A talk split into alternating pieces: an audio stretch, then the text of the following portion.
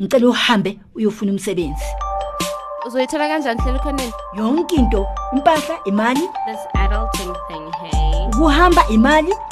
Withi nakayitlhoga awunamoto imali. Fanele kube nemali phakathi. Sebenza. Sebenza. Sebenza. Yava mntanam? Sebenza. I was underwater, dead. I couldn't believe that my cold and frigid body was under the weight of this wet chamber of death, a burial chamber I submitted myself to. My earthly connection, in the form of my son, was nearby. I could feed him. He was here with me in the dark, cold, and murky waters. Like a magnet, I felt the pull. His pale body approached me like a force I couldn't escape. He came closer and closer, compressing energy inside of inside my still body. The energy brought life back into my body. He had found me and I could not escape.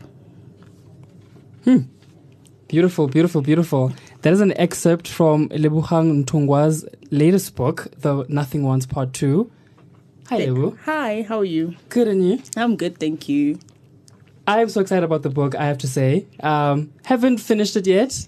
I'll read how. Uh, it's intense. It's intense. I have to say, from part one to part two, intensity is what runs these books, I have to say. Oh, I'm glad. I'm glad it's, it's making an impact. But let's start with now Lebohang as a young girl. What was it like growing up before The Nothing Ones came out? Let's go into who was Lebo as a young girl. Wow, you br- you taking me back Back so to far. We have to. We have to label. We need to know who is Lebohang. Who is Lebohang? I grew up in the Free State in a small town called Paris, hmm. and I was actually like a, in a group of four cousins brought up my, by my grandmother, and we were just carefree township children. You know how it go, how it is, in, you know, growing up in a township. Went to a township primary school. And later, when I was about 11, I, w- I moved to Pretoria to live with my mother. Um, and I went to like a Catholic, uh, well, not, yeah, it was a Catholic convent school. And then from there, it was Girls High, Pretoria High School for Girls. Through- Okay. Yeah. Quite a travel. Not quite. It's a small, like, you know, South Africa seemingly, seeming small now, you know, now that I'm older, but it felt like a very, um, you know, a different world altogether because growing up as a small child, I never really traveled. And then you, you know, transported and transplanted somewhere else. Um, it's a bit of a culture shock because one, you were in a black school and then you're in, in a s- English school. It's a different thing. You cannot speak the language. The friends are mostly white. So you have to make that adjustment. Um, but yeah, wow, And you then- took me back. Because I'm glad. now, how did you come to start writing? You know, I the way I actually got into media was because my cousin used to work here, and um, you know, she introduced me into the company. But I had I was studying communications at the time. I had no real aspirations of doing any sort of writing job. I didn't know what I wanted to do. But uh, when I came into it, it was such an easy fit that it didn't feel like you know some sort of uh, uh, angst inside of me about it. But I, I I wrote a little bit. You know, you write news and stuff, so it's not really lengthy writing. Um, but in terms of writing this particular book, I had no intention of actually writing a book. The subject just kind of found me. So Run when, us through that. That's, that's very interesting. How does one subject find them? uh, you know, I think it's one of those things where if it plays on in your mind, it loops in your mind all the time, or it just pulls at your heartstrings. That's something that you're obviously going to be passionate about. And I found out as I was writing that you it's a lot of work. So you better love the subject because you're going to spend years with it. So um, yeah, so when I read about the plight of people with albinism, that they'll be murdered, it was such a foreign thing to me that I, I just didn't get it because my mother was a nurse at a school for disabled children. So you we saw them all the time. I actually lived with her on campus as one of the staff people. So it was never a thing for me. Um, so when I read that in, Tanzania, this is the reality, I'm like, wow, you know. So for about six months ish, it played in my mind um, until the story actually kind of built itself in my in my head you know so i didn't really have a plan to write but when you have a story forming you have no other you know outlet than writing or telling a story uh, because the story is forming in your head. Now run us that day when you finally got that copy of the Nothing Ones Part One. Part one, yeah. It was When a thrilling was day, I must say. what was that reaction like? oh my god, it was a thrilling day. Uh, when you see the actual finished product, it's like the most satisfying thing because at that point, I think I was up like year five into the whole thing. Um, it took me a long time to actually like um, put down the characters and learn them myself and figure out personalities and things like that. So by the time you see a finished finished product, you're like, oh my gosh, all the labor.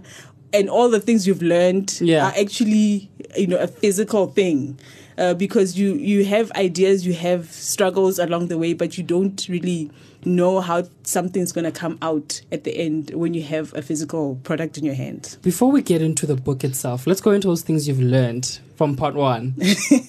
okay What are some of those lessons? What- Okay. What are those hardships that sort of taught you a lot about Gosh. publishing? yeah no i must say that if i had known some of the stuff that i I'd learned along the way i probably you know if I'd known them before i started i probably mm. wouldn't have gone into it because it, you, i'm glad it actually unfolded as i was going through the process Yeah. um, for one, I didn't know I was going to take this long. you know, you hear people say, "Oh, I took 20 years to write a book," and you're like, "How? You weren't writing a book." Yeah. But at the same time, when you have a flow, um, a rhythm, and a story to write, when you because second, the second book ta- took me like maybe over a year, so it's not quite as long as the first one. So I had already uh, began to know the characters. I knew where I was taking the story. So uh, it was an easier thing. So with the first one, I had to even learn how to format books because I self-published. So you, you kind of need to, unless you're gonna now be paying someone else. But I think it's it's important to actually learn what goes into certain things. So I learned how to format the book. I learned even with design. I know my designer probably like wanted to throttle me because I went back and forth with him so much. You know, you learning sizes of things. You learning um, even the printing part. You know, you Yeah. have to. It, it's very like specific as to what needs to to go into the thing.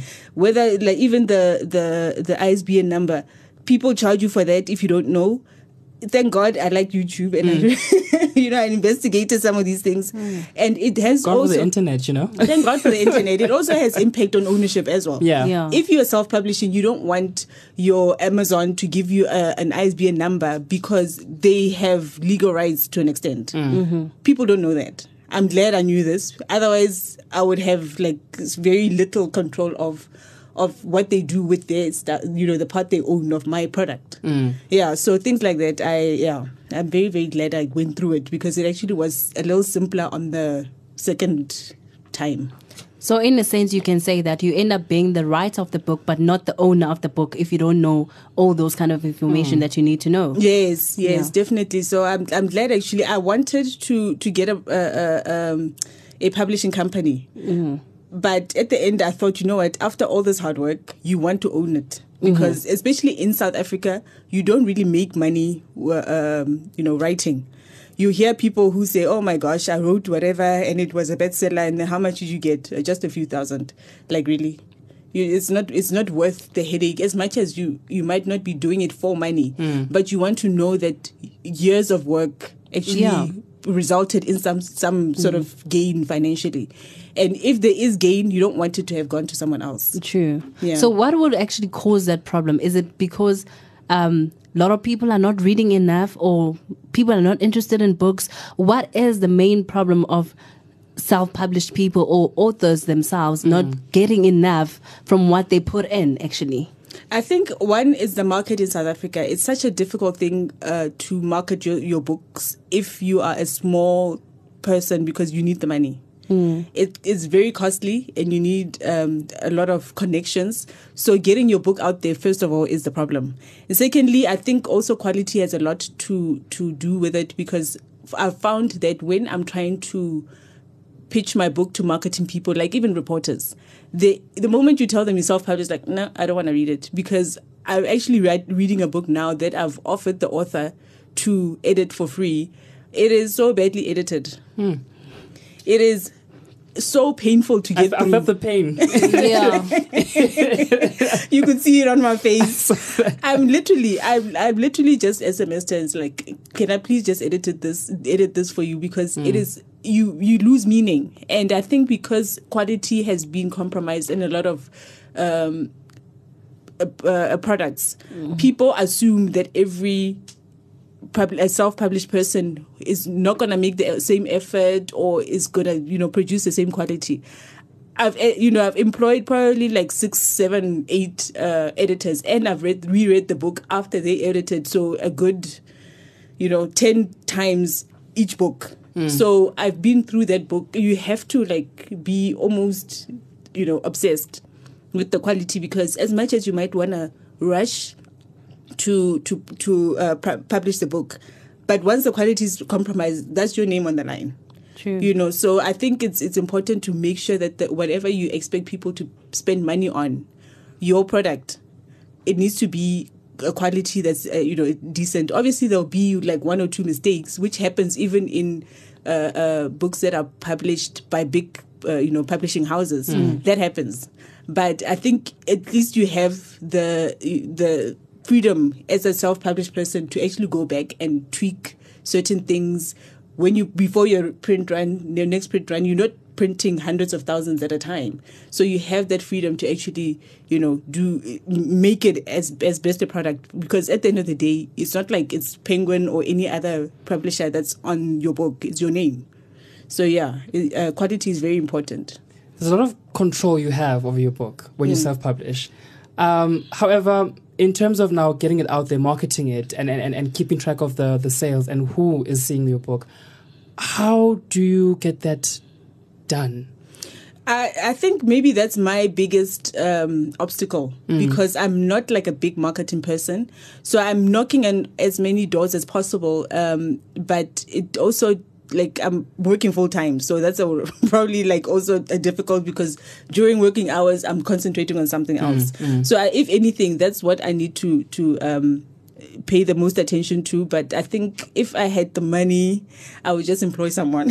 Mm. Job creation. Yes, I need. Yeah, I need. You know, to I need the help with marketing because I, I really am not a big marketing person. So if anything, that's what I'm I'm concentrating on now. I'm glad you mentioned that you have a full-time job. How difficult is it for you as an author to still go to your nine to five and still get this book completed in time so people don't lose interest, especially considering you have two parts Yeah. to, to your to your to your story. There was a bit of pressure to actually finish the second one because people were waiting for it after the first one. So um, yeah, I felt the pinch, but I, I didn't also want to, to produce a, a like a low low quality or even rushed.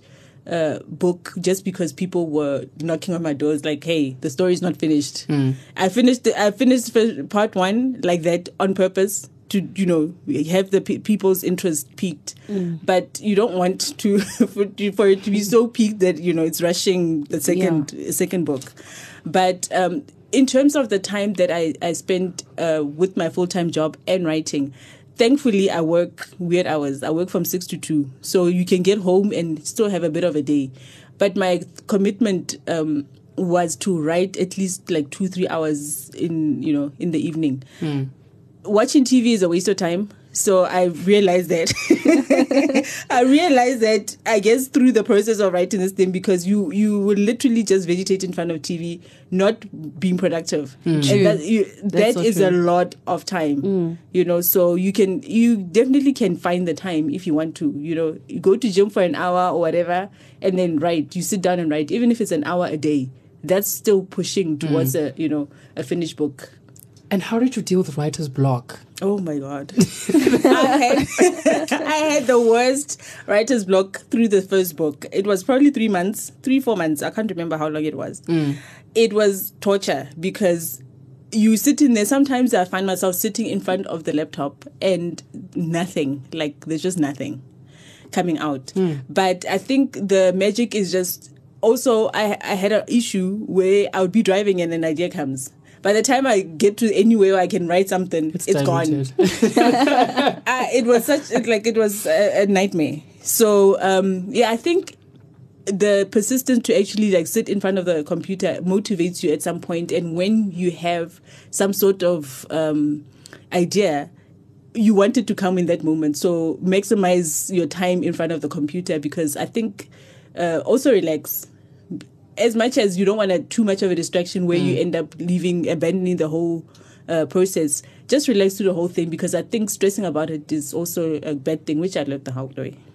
Now, there are young and old authors that span this entire continent. Um, what advice would you give to them in terms of making sure they get those books published, whether it's through a, a publishing house or self-publishing? Self-publishing. Yeah. I think a lot of people have plans to write books. Mm. I've met a few people. Some of them have even said, "Please help me write a book." Where have what have you started? Nothing. Mm. Mm. So it's a problem. you say you guys like Nothing you is know. always an answer. yeah. So I think people have stories and they have like very dreamy ideas of having a finished product, but they're mm. not necessarily wanting to put in the work mm-hmm. or they don't think they can.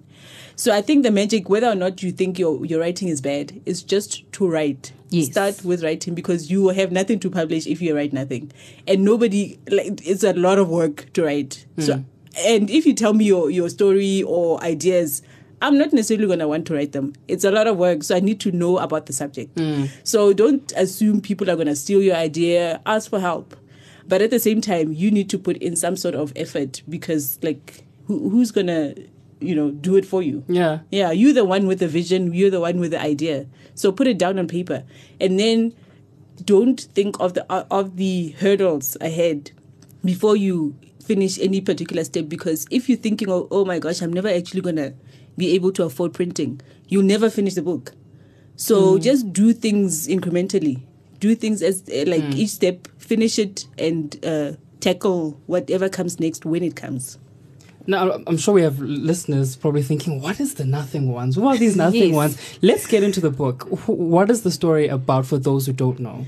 The story is about um, a pair of uh, twins who were born with albinism in Tanzania, and throughout their lives, essentially, they are struggling to say, stay safe in an environment mm. where they are hunted by people who want to use their body parts or even skin or hair for muti. Mm. So they are brought up by a grandmother and they are hidden essentially from society just because she struggles to keep them safe. So the be- next best thing is to you know keep them home.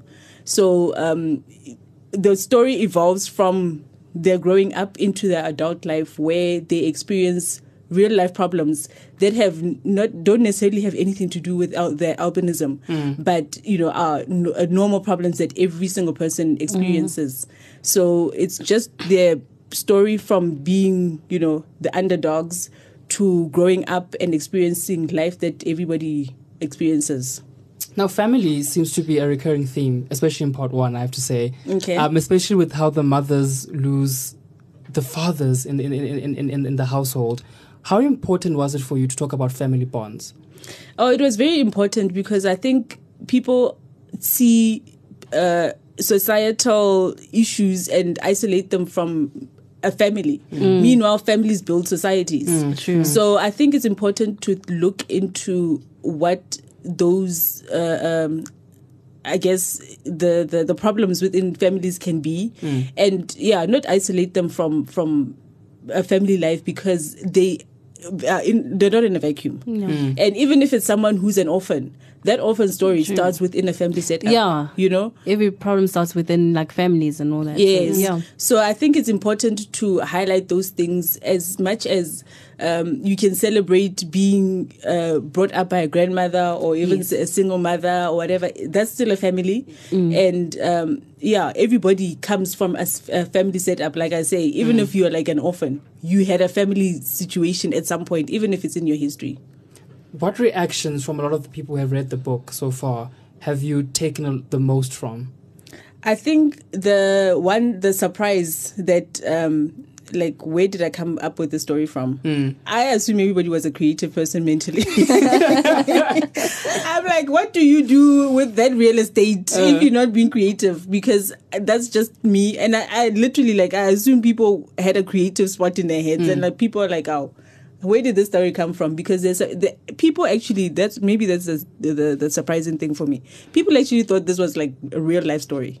Oh wow. Yeah, so I'm I'm glad, and I don't know like should I be scared? Maybe you just don't know it, but maybe it is a real life story. you Mm. could know? be. It could be a real life story because Yeah. the way it's been told, that's the thing. Mm. Uh, especially with part one, you need to read part one to understand part two. You can never go to part two without reading part one. Mm. Yeah. But for you to understand the parts of being part of a family and what happens within a family, how families can get broken down or Mm. what can happen to your family, you need to read part one. No matter if you are living with albinism or what whatever the case may be. But Yeah. uh, that's why people are asking you, how did you come up with it? Because I mean, you are not living with albinism, and probably that's why pr- they thought that she cannot relate, you know, to it. But at the same time, albinism is you are part of a human life. You you're you're also a human being. So. Yeah. Um, people need to read part one, the nothing ones, and why the nothing ones? Why that title?